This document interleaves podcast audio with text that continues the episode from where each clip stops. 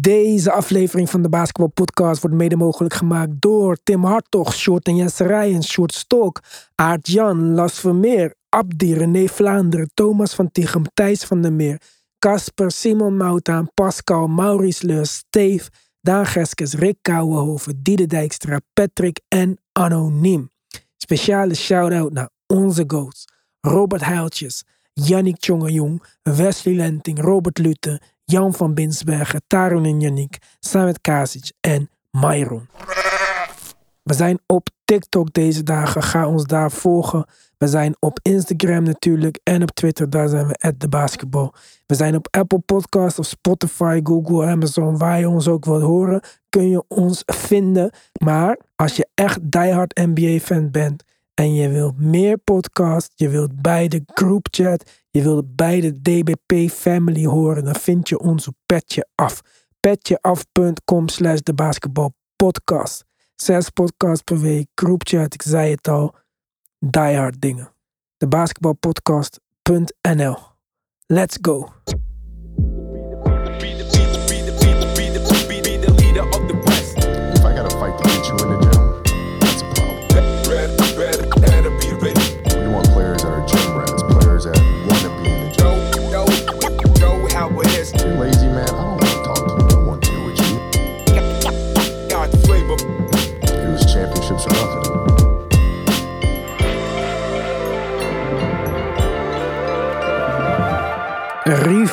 Week in de NBA. Nou, ik ben normaal niet zo erg van de themafeestjes en zo.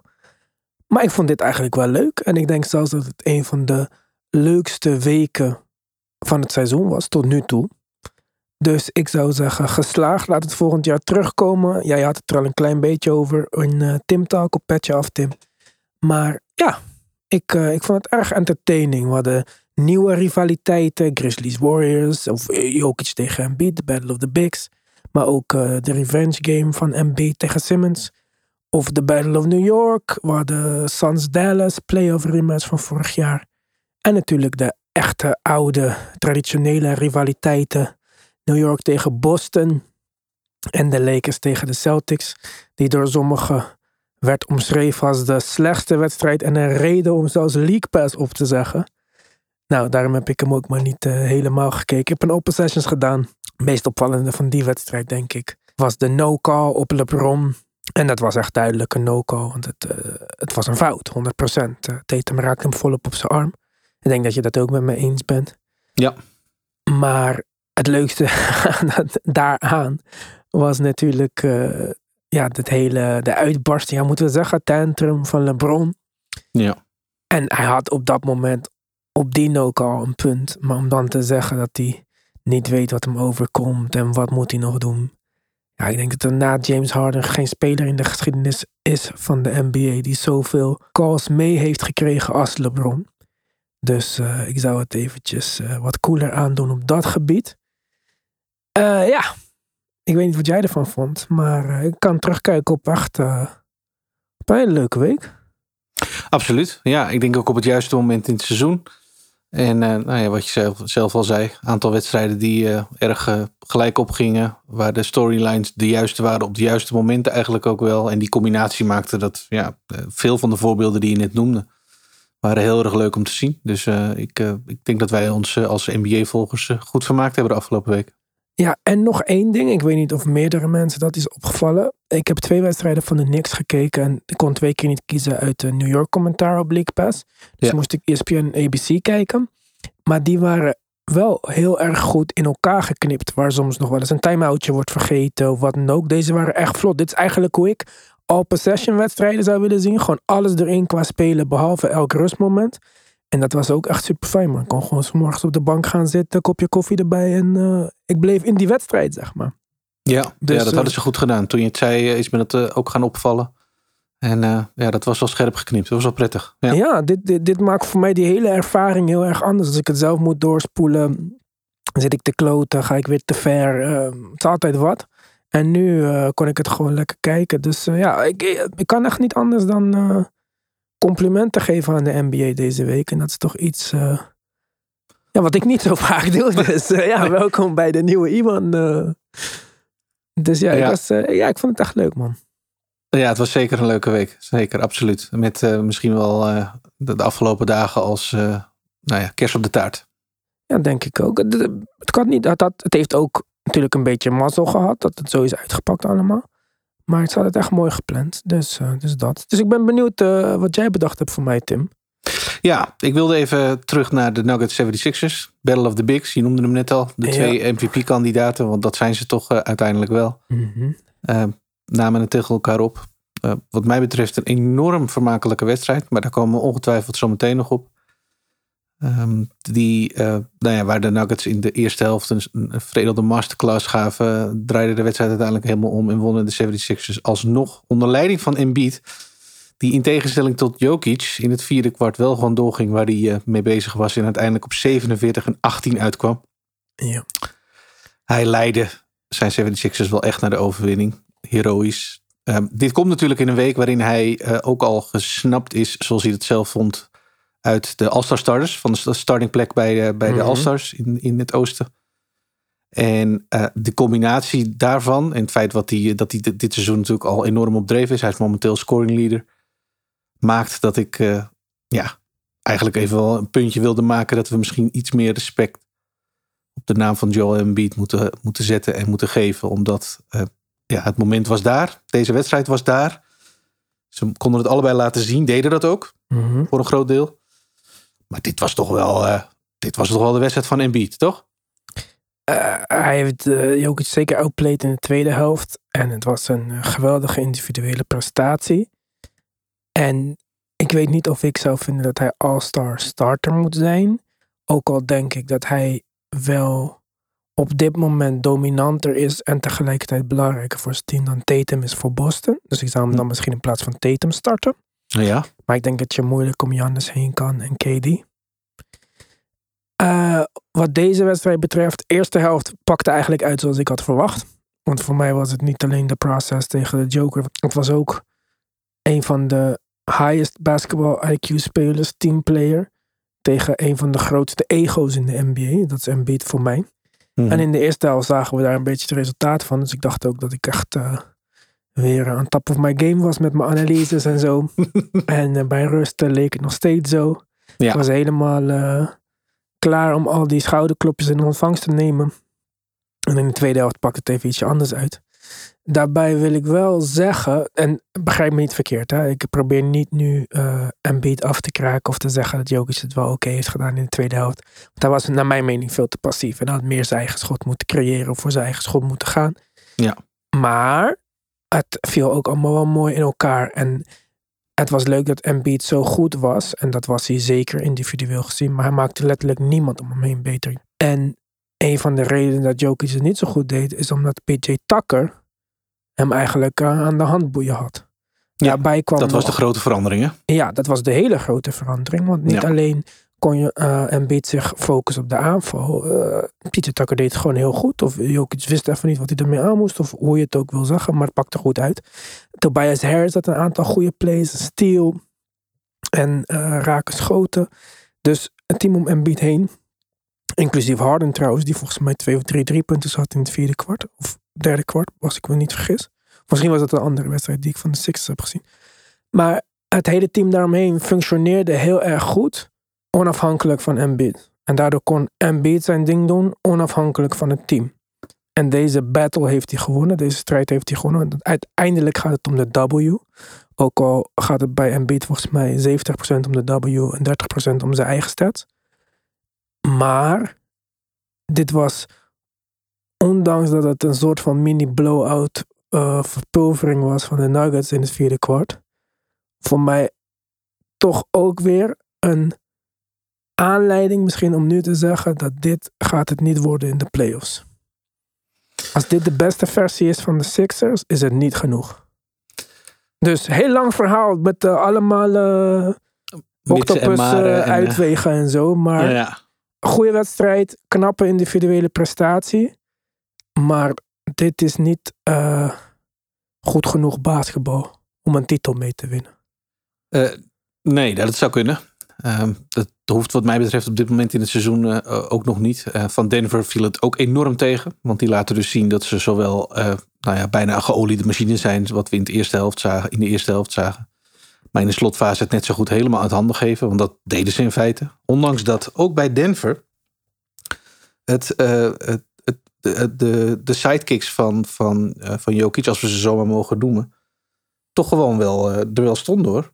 in de eerste helft. Met name in de eerste helft, dat is waar. In, de, in het vierde kwart was er überhaupt weinig van over. Maar Michael Porter Jr. viel mij enorm op daarin. In de eerste helft, en dat toch? is ja, dat is geen productie waarvan je zomaar uit moet gaan. Zeker niet met zijn afwezigheid de afgelopen mm -hmm. tijd. Dus het is ook niet zo alsof de, ja, de, de omgeving van, van Jokic, dus zijn ploeggenoten, uh, nou ja, het zoveel minder deden of zoveel tegenvielen. Of dat er dat soort factoren meespeelden. Ik denk dat het echt voor een groot deel bij, bij Jokic zelf lag. Je noemde hem net al passief. Ik denk dat dat eigenlijk wel de juiste omschrijving is. Um, maar goed, ja, dit, is voor, dit zijn voor Philly, voor Philly natuurlijk wel de testen die ze nodig hebben om, om zichzelf een beetje te ontdekken. Want dat is eigenlijk wat Philadelphia gedaan heeft. Ze begonnen het seizoen niet zo goed. Ze zijn al een tijdje heel goed op dreef.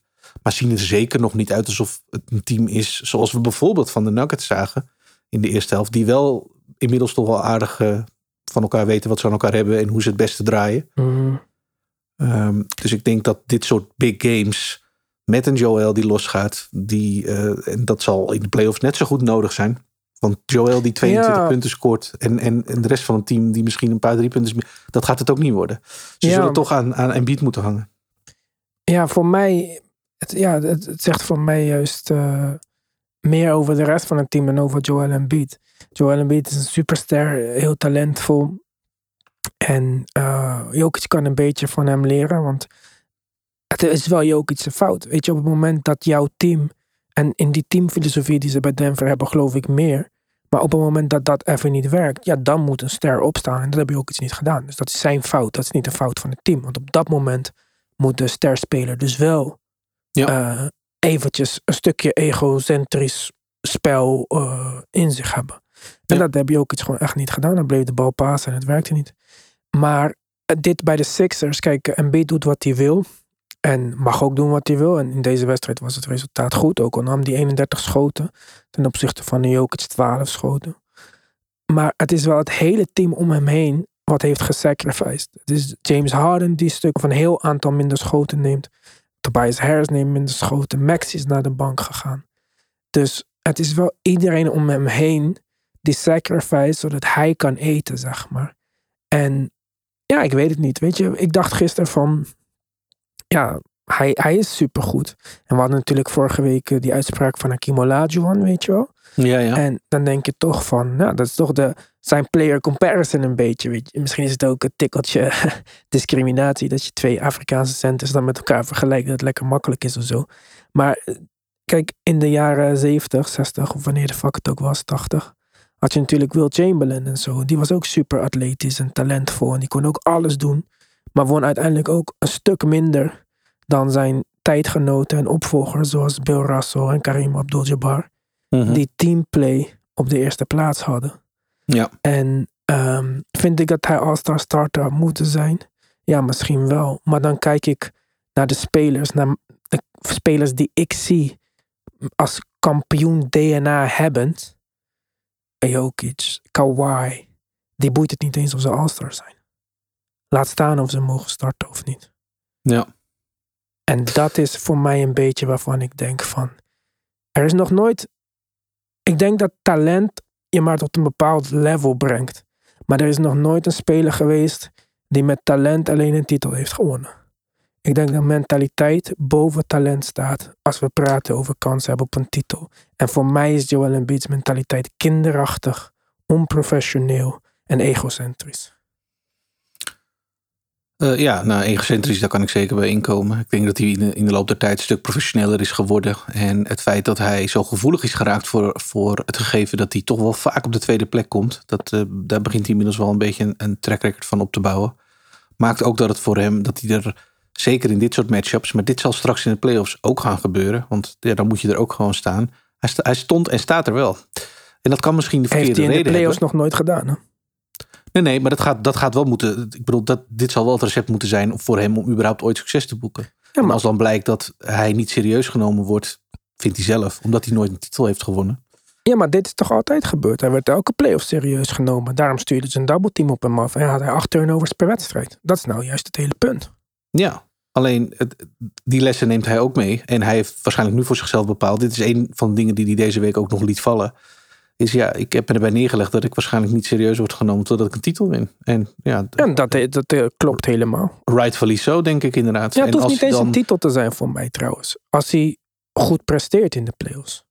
Ja, ja, ja, dat is voor hem al, eh, al, al stap 1. Misschien wel de grootste stap. Ja, hij vindt waarschijnlijk dat hij goed was in de playoffs. Omdat hij stats had. Maar dat nou ja, hier komt er wel een beetje op het punt inderdaad. Kijk, als zijn egocentrische redenen daarvoor de aanleiding zijn straks. Ja, dan zijn het misschien wel de verkeerde redenen. Maar als we uh, Joel Embiid kunnen zien zoals we hem nu gezien hebben. Op het moment waarop het ertoe doet. In een wedstrijd waarin het zeker niet mee zat.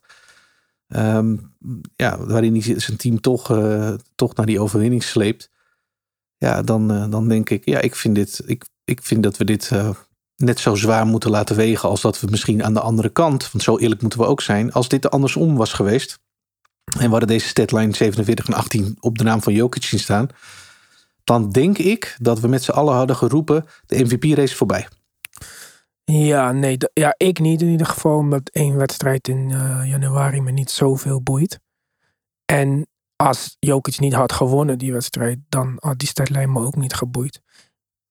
Kijk, eh, dezelfde kritiek die ik nu geef, zou ik hem dan in compliment geven. Ik vind dat hij in deze wedstrijd niet gefaald heeft in de MVP-race of zo. Dat boeit mij niet. Hij heeft deze wedstrijd niet gewonnen omdat hij niet de juiste aanpassing heeft gemaakt, naar mijn mening. Maar jij kijkt ook naar deze wedstrijden. Die wegen ook voor jou, denk ik tenminste. En als het niet zo is, moet je me verbeteren. Jij kijkt ook naar dit soort wedstrijden. Omdat ze wat zwaarder wegen dan een, gemiddelde wedstrijd op woensdagavond tegen Charlotte. Oh, ik, vond, ik keek er naar uit. Ik vond het super Ja. leuk om te zien. eh, bij dus het, heeft wel, het, het weegt wel, wat mij betreft. Dit soort, dit soort matchups, dit soort momenten, dit soort... Ja, voor mij is het meer. eh, Ja, ik vind het nog niet wegen. Want kijk, als wij verder gaan in dit seizoen. En eh, Denver eindigt eerste en Philadelphia eindigt eerste, waar die kans bestaat. Hè? Ja. Maar eh, Denver gaat tot aan de Western Conference Finals, tot de finals. En Philadelphia ligt er in de tweede ronde uit. Ja, dan, dan denk ik in 2027 niet meer aan eh, die Battle of the Bigs in januari van 2023. Snap je wat ik bedoel? Het is leuk en, en- het is tijdelijk. En de media zal het ongetwijfeld aandacht geven. Maar we hebben ook aan de fan returns van de, aan de media voting returns van de All-Star Game kunnen zien. Waar jij ook al eh, aandacht hebt gegeven in Tim Talk. Dat de media heeft hun eigen missie en eh, percepties die ze pushen en zo. Ik denk uiteindelijk draait het om eh, wie dat jaar in de boeken gaat als kampioen. En ik, ik zou het leuk vinden als we deze wedstrijd in een eh, seven-game serie zien. In de finale van de NBA. En wie er dan Ja. wint, dat zegt dan wel wat voor mij. Ja, zeker. Wat dat betreft eh, komt Philadelphia toch weer in twee gevallen omhoog, eh, eh, omhoog drijven als, ehm, als team die je heel graag gaat zien. Bijvoorbeeld in een playoff serie tegen de Nets, waar we al een, een voorproefje van kregen. En inderdaad, een finals tegen de Nuggets zou het mij betreft ook fantastisch zijn. Ja. Ehm, maar goed, om terug te komen op je punt van net, vind ik, ja, wat mij betreft ligt het iets genuanceerder. Omdat deze MVP-race, zoals we die nu kennen, die, is, die wordt eigenlijk voor derde jaar op rij gevoerd tussen deze Mhm. twee jongens. Want momenteel kunnen we er, hij staat in de meeste lijstjes wel op nummer twee. Laten we het zo maar even Ja, volgens mij is hij ook op de officiële ladder nummer twee. ja, dan is natuurlijk de grote vraag: houdt Jokic dat vol en wordt het straks drie op rij en drie keer nummer twee, die hetzelfde is? Wat volgens mij nog nooit is voorgekomen in de NBA. Ja, dat soort dingen zijn wel, eh, denk ik, wel zaken die misschien Jokic niet zoveel boeien, want dat weten we van hem. Maar in Amerika zijn ze daar natuurlijk wel, eh, ja, dat vinden ze fantastisch. En dat zijn zeker zaken waar ze later nog wel een keer op terugkomen. Weet je nog dat hij drie keer achter elkaar eh, MVP won? Want het is inmiddels ook alweer zo lang geleden dat dat voor het laatst gebeurd is. Dus Snap Vind ik, die- snap ik. ik vind Maar- de dynamiek tussen deze twee, deze twee mannen dit seizoen wel Ja. maar het is, te- het is niet tussen hun twee. Het is tussen Embiid en de rest van de wereld. Want Embiid is de enige persoon die hier zo druk om maakt. Ik denk dat Embiid als hij 50 punten had gescoord in die wedstrijd had verloren met 20 punten. Precies hetzelfde had gezegd dat hij gesnapt was en kijken wat hij doet. Ja. Ja, misschien heeft Dus- hij dit nodig om het beste in zichzelf naar boven te halen. Het feit dat hij zich Ja, verongelijkt hij- voelt. Maar hij kan, dit, hij kan dit niet nog 50 wedstrijden doen. En de rest van het team moet om hem heen wel echt geen fouten maken, zodat hij dit kan doen, zeg maar. En deze wedstrijd hadden we dat dan bijvoorbeeld met PJ Tucker, wat echt een vet Ja. mooie switch was. Maar in de zijn van Game Serie gaat het ook niet werken. En Tobias Harris was supergoed. Nou, ik kijk niet superveel Sixers, maar ik heb wel Sixers gekeken, twee, drie jaar. Dit is niet de Tobias Harris die ik ken. Dus was dit iets wat hij beter heeft leren te doen? Of is dit een uitzondering? Dat weet ik niet precies. Maar ja, dat, dat, eh, dat is het ook nog maar. Ik vind het gewoon, het was een mooie wedstrijd. Ik keek er naar uit. Het was ook een fantastische tijd natuurlijk. En Ja. eh, daarom denk ik dat het vooral ook voor de rest van de wereld, hè, want we praten over twee big men in de MVP-race, die niet uit Amerika komen. Dus voor de hele wereld was dit denk ik echt een superleuke zaterdagavond als je into NBA bent. Ja. En dat was een mooie takeaway. En daarom vind ik het leuk. En daarom zou ik het vaker willen zien. En voor dat soort doeleinden is Embiid super geschikt. Want hij heeft beef met ongeveer iedereen. Kijk, we kunnen hem elke zaterdagavond tegen Carl Anthony Towns. Tegen Jokic. Nou, hij heeft geen beef met Jokic. Maar tegen Ben Simmons. Want hij heeft Ben Simmons ook even lekker in zijn rug geduwd. eh, terwijl het zogenaamd... eh, ja, dat was... Kijk, dat is weer die petty kant van Embiid. Waarvan ik denk van bro... Kijk, tegen Jokic misschien heb je nog het gevoel dat je iets wil bewijzen. Maar tegen Ben Simmons, en dat zegt de grootste Ben Simmons fan in Nederland, heb je echt niks meer te bewijzen. Want je bent Nee. zoveel beter dan hem. Ik bedoel, er is niemand die daaraan twijfelt. Ik denk niet eens Ben Simmons' zijn moeder. Die nog Nee. denkt dat, eh, dat Ben Simmons beter is dan Joel Embiid. Dus Nee. kijk, dat, dat is Joel Embiid. Hij, hij is te veel in zijn... Hij is de Drake van de NBA. Hij is te veel in zijn feelings gewoon. En ik denk dat dat hem uiteindelijk wel eens eh, ja, tegen hem kan werken. Maar eh, Ja, dat is waar. ja, en dat, kijk, dat, dit is gewoon het verschil. Steph, Steph is een van de beste spelers op de wereld. Zijn ego is super laag. En daarom werken de Warriors. Snap je? Ja. En de tegenovergestelde van Steph op dezelfde positie als wat in deze vergelijking ding hou is Trae Young. Denkt ook dat hij eh, godsgift voor basketbal is. Nou, daar dachten ook eh, alle spelers anders over toen, hij, toen ze moesten gaan stemmen. Hij werd, wat was hij? 13e, 12e meest populaire guard in de NBA? Ja, ja, ja, viel enorm tegen. Ja, Ja, twaalfde meest populaire guard in de NBA. Terwijl ja die tweede, staat, hoor. tweede staat in assist. 9,9, 27,1 punten. Ze zijn boven 500. Ja. Doncic is een no-brainer all-star. Heeft 8,4 assists. Trae Young heeft misschien nog betere cijfers.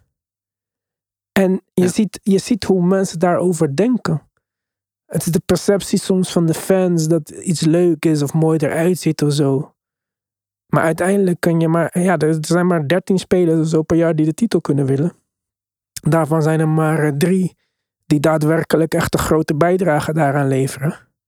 En eentje die meestal de meeste aandacht krijgt. Ja, om een van die mensen te worden, heb je en het talent nodig en het geluk dat je fit blijft. En dat het in je prime gebeurt, dat je in een goede situatie zit. Maar ook heel belangrijk, de mentaliteit. En als we kijken naar de kampioenen van de afgelopen jaren, niet alleen de Warriors, maar ook een Giannis, ja, dan zie je wel dat die mentaliteit wel goed zit. Ja.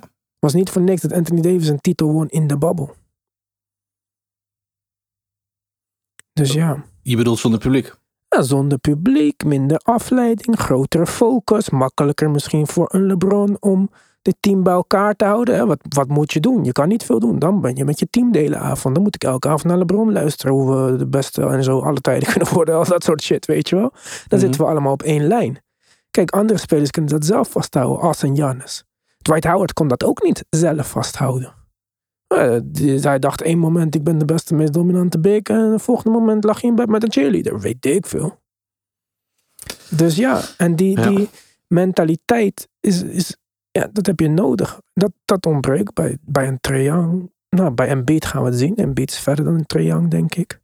En aan de andere kant, speler als Kyrie, vaak bekritiseerd. En ook door de media in deze All-Star eh, votes. Wat was hij, de vierde guard of zo? Fans Mhm. hadden hem nummer 1, NBA-spelers nummer 1. Nou, hij speelde gisteren tegen New York in de Battle of New York. Een van de betere wedstrijden die ik van hem heb gezien. Ik dacht bij mezelf, hoeveel spelers kan ik eigenlijk boven Kyrie zetten? Sinds dat hele akkefietje, sinds zijn niet vaccineren, sinds dat hij eh, documentaire tweets, is deze man solely gefocust op basketbal. En Ja, daar weinig heeft hij ook over gesproken. Ja. Poeh. Hij is, mentaal is hij, eh, legt hij nu de nadruk op, is hij een stuk sterker geworden om zich te kunnen focussen op wat nodig is. Ja, dus besef Tim. Dit was een speler waarvan wij een jaar geleden zeiden: wie wil nog treden voor hem? En we zijn een jaar verder en het enige wat veranderd is, is zijn mentaliteit. En hij is een van de vijf beste spelers in de NBA. Ja, maar die vraag blijft wat mij betreft toch overeind staan. Ja, tuurlijk, omdat wij vertrouwen- zijn verleden kennen, zeg maar. Ja, vertrouwen komt te voet, gaat te paard. Hè. Dus eh, dat, eh, dat, dat heb je niet zomaar weer teruggewonnen. En in het geval van Kyrie is dat. Maar ik ben het met je eens dat hij de laatste tijd... Hij speelt indrukwekkend basketbal. En dat is En ook in de mentaliteit, is het verschil. Ja. Ja, Dus dat is wat ik bedoel. Kijk, ik zeg niet dat hij het altijd blijft doen of zo. Maar ik bedoelde om aan te geven van... Het verschil tussen hem succeeding en failing... was niet skills, was niet blessure, was niks. Het is mentaliteit. Want die skills heeft hij altijd. Hij is altijd een van de meest skilled guards in de NBA geweest. In die afgelopen wedstrijd tegen New York waar ik het over heb. Het was Ja. niet alleen dat hij in het vierde kwart op een gegeven moment gewoon overnam en afmaakte. En gewoon elke droom of hoop van elke Knicks-fan liet verdwijnen. Maar hij was ook op momenten dat de rest van het team goed draaide. Heel erg, ehm, ja, niet eh haantje de voorste. Hij dacht, het is goed, jullie koeken, ik laat jullie. Ik spaar mijn energie zelfs. Het is ervaring misschien, een stukje mentaliteit. Ik denk dat Kyrie ook niet echt per se een selfish player is. Ik denk dat zijn mentale issues op andere gebieden zijn. En het was gewoon voor mij echt een. Nou, het was bijna iets wat je aan kinderen zou laten zien. Van kijk, dit is dus wat het betekent om een, om, om een teamspeler te zijn die de ster is op een team. Zo, Zo. goed was hij. Nou dat is niet... eh, dat is niet per se de standaard Kyrie die ik voor me... Ja, maar ja, dat is wel wat hij laat zien de afgelopen tijd. Als ik, als ik naar hem kijk met dezelfde percepties die ik had van vorig jaar, ja, dan zou ik het misschien moeilijk kunnen geloven. Misschien heb ik bij andere spelers ook moeite om die perceptie los te laten en duurt het een tijdje. Misschien is Embiid al beter dan dat ik denk. Maar bij Kyrie, als je zonder gekleurde bril naar hem kijkt, hoe hij de afgelopen maanden speelt, dan geef me maar vijf spelers die beter zijn dan hem in de NBA op dit moment. Ja, ja ik snap je. Ja. Ik kan niet ontkennen dat zijn, eh, dat zijn basketbal indrukwekkend is. Zeker, zeker de laatste tijd. Absoluut. eh, ja, echt wel een, een niveautje omhoog van wat we van hem gezien hadden. En bij tijd en wijle was hij natuurlijk al eh, ja, echt, wel, echt wel magistraal. Maar nu, hij is nu, het lijkt ook wat constanter. Ja, het is gefocust. En Ja, wat ik zei, een ja. half jaar geleden wouden we Westbrook voor hem treden. Maar goed, volgende stelling. De Lakers, we moeten het natuurlijk even over hebben. Ja. Ehm, het moment van, eh, van LeBron. Nou, ik denk dat de meesten het wel gezien hebben. Dat hoeven we niet eh, weer helemaal op te rakelen. Nou ja, Ehm, laatste ze poging. verliezen daar in feite de wedstrijd door. Dat is ook wel duidelijk.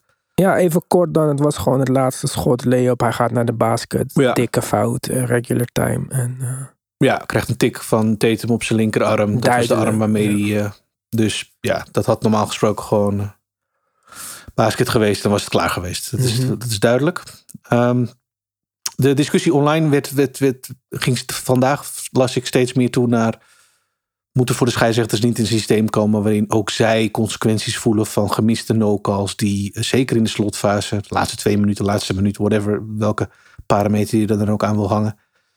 Ehm, waarmee zij ook wat meer onder druk worden gezet om misschien niet alleen een scherper te zijn, want ik weet niet of dat nou zo iets wat je, is van- wat je van ze kan vragen. Ze zullen ongetwijfeld scherp zijn, mhm. maar misschien wat meer vrijheid krijgen om bij twijfel de mogelijkheid te hebben om dit soort dingen nog na te kijken en niet zo eh, star en eh, arrogant eh, dat verder te laten voor wat het is. ja, Patrick Beverly wou ze helpen. Die had de beelden gevonden Ja, in de wedstrijd. Die liep met een camera naar een scheidsrechter toe. ja. ja, die Eric Lewis en die gaf hem meteen een, een technical. Ja, belachelijk. Ja, ja, er waren wel. Eh, en er gingen wel meer calls mis. Eh, nou is dit, dit, dit hebben we vaak gezien, ook dit seizoen al. We we zijn, er zijn legio voorbeelden, ook in crunch time. Ik kan me in het begin van het seizoen herinneren dat Sacramento Kings tot twee keer toe, twee wedstrijden achter elkaar in de slotfase eh, geen fout meekregen waar ze dat wel moesten doen. En dat had direct uitslag of direct invloed op de uitslag. Dus ehm, het, is- we hoeven niet te doen alsof dit de eerste keer is eh, en het alleen maar bij LeBron of bij de Lakers gebeurt, want dat is niet zo. Mhm. Maar ik vroeg me wel af, inderdaad, is dit, zie jij een trend en zijn de scheidsrechters gewoon, hebben we een probleem met de scheidsrechters in de NBA? Of is dit iets van alle tijden? Eh, het is dit seizoen al vaker gebeurd.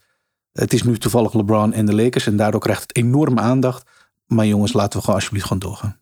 Ja, LeBron kon het ook mooi verkopen natuurlijk. Het was echt een tantrum op een level wat ik... eh, Eh, ik weet niet wanneer ik dit voor het laatst gezien heb. Nee. Ze 36-jarige man, Tim. Is net zoals wij, hè?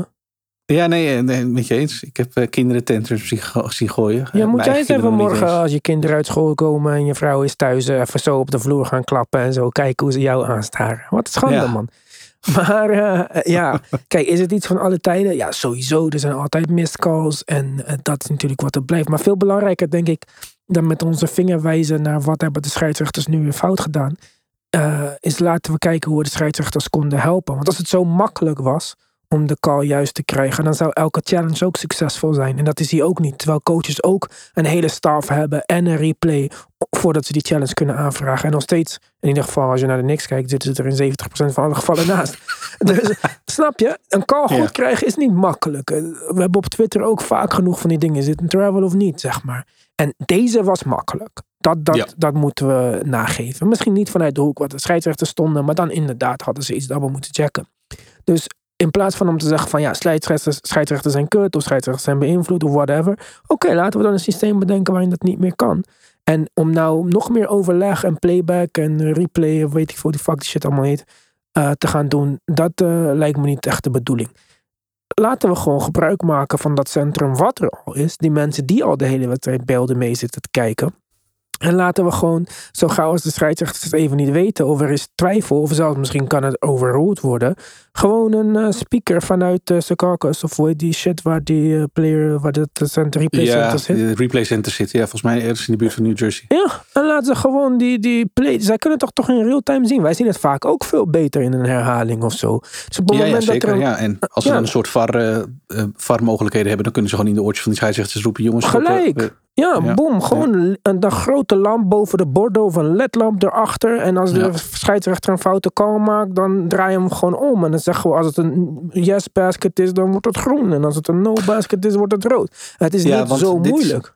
Is, ja, nou ja, dit is natuurlijk wel een verschil met, met uh, de situatie zoals je net beschrijft. Want een foute call is één. Maar een no call, dat is natuurlijk een ander verhaal. Ja, maar dat is niet ja, dat is het punt. Ja. Daarom moet er worden ingegrepen, zeg maar. En daarom denk ik dat dat heel goed zou werken. En dan hebben we ook gewoon veel minder tijd daarvoor nodig. Want we hoeven niet elke keer replay. Als er in het replaycentrum drie mensen per wedstrijd zitten, die kunnen het echt wel zien. En als het bord niet oplicht, dan, ja, dan is het aan de scheidsrechters om het te beslissen. Maar zoals gisteren hadden ze dan gelijk het bord uh, kunnen laten knipperen. En dan weet je wat er is aan de hand is. Nou, misschien een herhaling op een beeld van een scheidsrechter. En dan kunnen ze gepaste uh, actie ondernemen. In dit geval zouden er twee vrijworpen zijn voor LeBron. En dan was er allemaal uh, niks aan de hand geweest. En dan hebben we ook niet gesprekken over uh, wordt er veel gegokt. ik zag in de groepschat dat mensen daarover hadden van worden er mogelijk scheidsrechters omgekocht. Nou, je kan niemand omkopen als je niet weet van tevoren welke mensen er in het replaycentrum op deze baan zitten. Ja. Perfect, ja, toch? Zo. Ja. ja, dat lijkt me wel een goeie. Ik denk dat we inderdaad wel naar die meer naar dat soort technologie toe moeten. Want uh, het feit is wel dat we nu al meer, meerdere voorbeelden hebben gezien. Alleen al in de recente historie. Laat staan hoe dat de afgelopen seizoen is geweest. Van, van no-calls of uh, gewoonweg verkeerde calls. Niet zozeer midden in de wedstrijd, want dat is nog van, tot daar naartoe. Maar inderdaad echt in crunch time. Die gewoon directe invloed, direct van invloed zijn op een eventuele uitslag. Ja, kijk en op een 82 seizoen reguliere, 82 wedstrijden durend regulier seizoen kun je natuurlijk afvragen hoe groot die invloed is. Hoewel iedereen nu uh, vanuit Lakers kant met voorbeeld naar voren komt dat ze in nu al vier wedstrijden de, invloed, uh, de, de uitslag beïnvloed is. En dat ze anders uh, zoveel hoger zouden staan in de Western Conference. Um, ja. Ik denk dat dat voor een aantal andere teams met voorbeelden die ik ook al met foto's voorbij heb zien komen. Dus niet, niet zomaar in mindere mate, maar ook wel geld. Iedereen heeft zijn voor- en zijn nadelen. Uh, de Celtics hebben ook al slechte calls gehad, ook op uh, beslissende momenten. Ik denk onder de Kings. Er zijn meerdere teams. Maar ik denk dat als je het over een heel seizoen trekt, dat iedereen zijn voor- en tegen krijgt. En dat het ja. even out, zeg maar. En het is kut. En dit is opvallend. Maar het gebeurde waarschijnlijk ook in hun voordeel. Alleen misschien niet op het laatste schot, maar in het tweede kwart. Ja, dat is uh, fucked up. Maar als je dat echt eruit wil krijgen, dan zal je toch een soort van alles overheersend orgaan moeten hebben die daarover gaan. Ja. Denk ik. Ja. Ja, op afstand het liefst. Dan, uh, ja. dan kunnen ze gewoon ingrijpen. Ja. hey, nog één ding, want jij hebt het er ook al over gehad. In uh, Tim Talk stond zelfs op de voorkant van jouw uh, aflevering. Maar Fred Van Vliet, die zijn bij Clutch. Ja.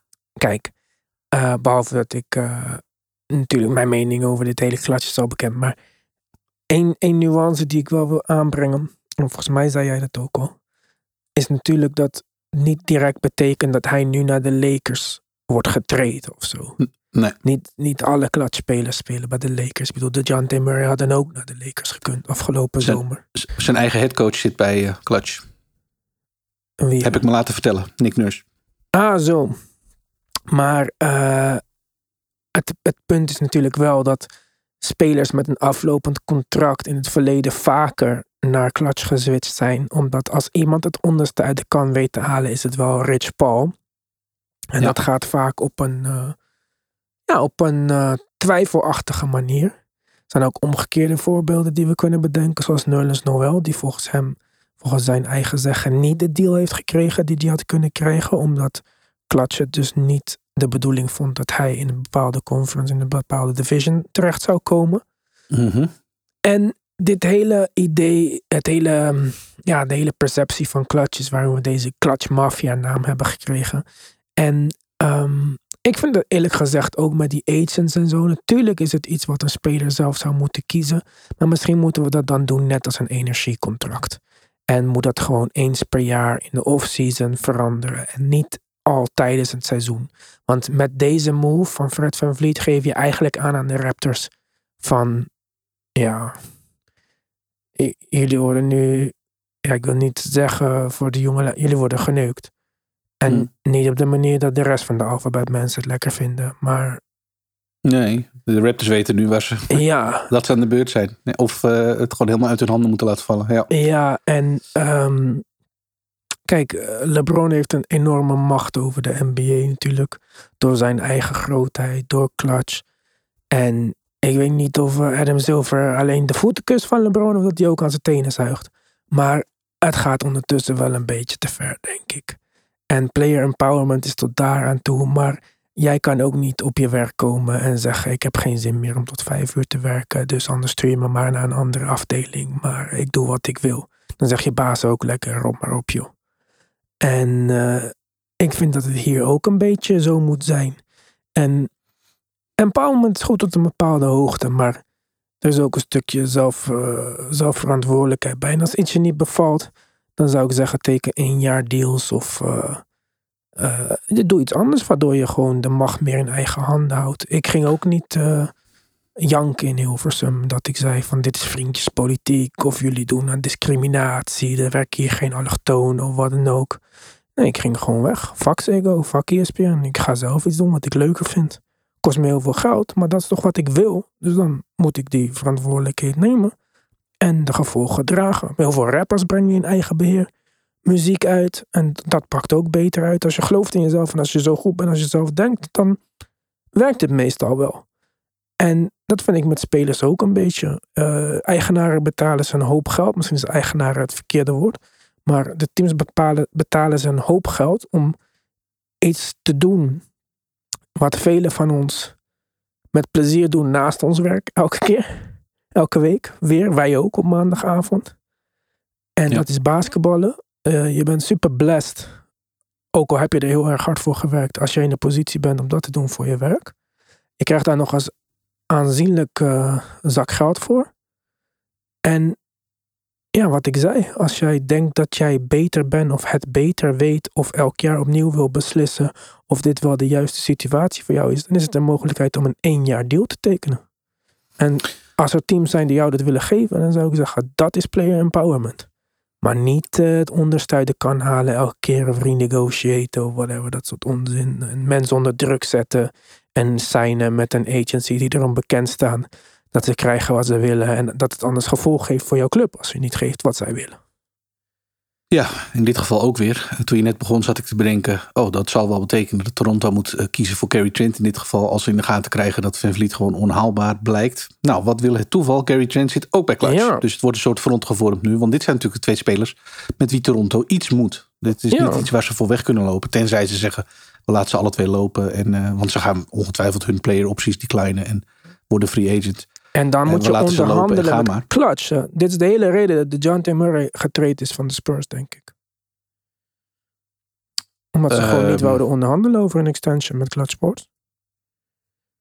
Nee, ja, bij Murray speelde het natuurlijk ook dat hij. eh, ja, dat ze wel wisten. Ja, oké. Ja, Speelt ze wisten dat hij, hij, hij, zou free agent worden.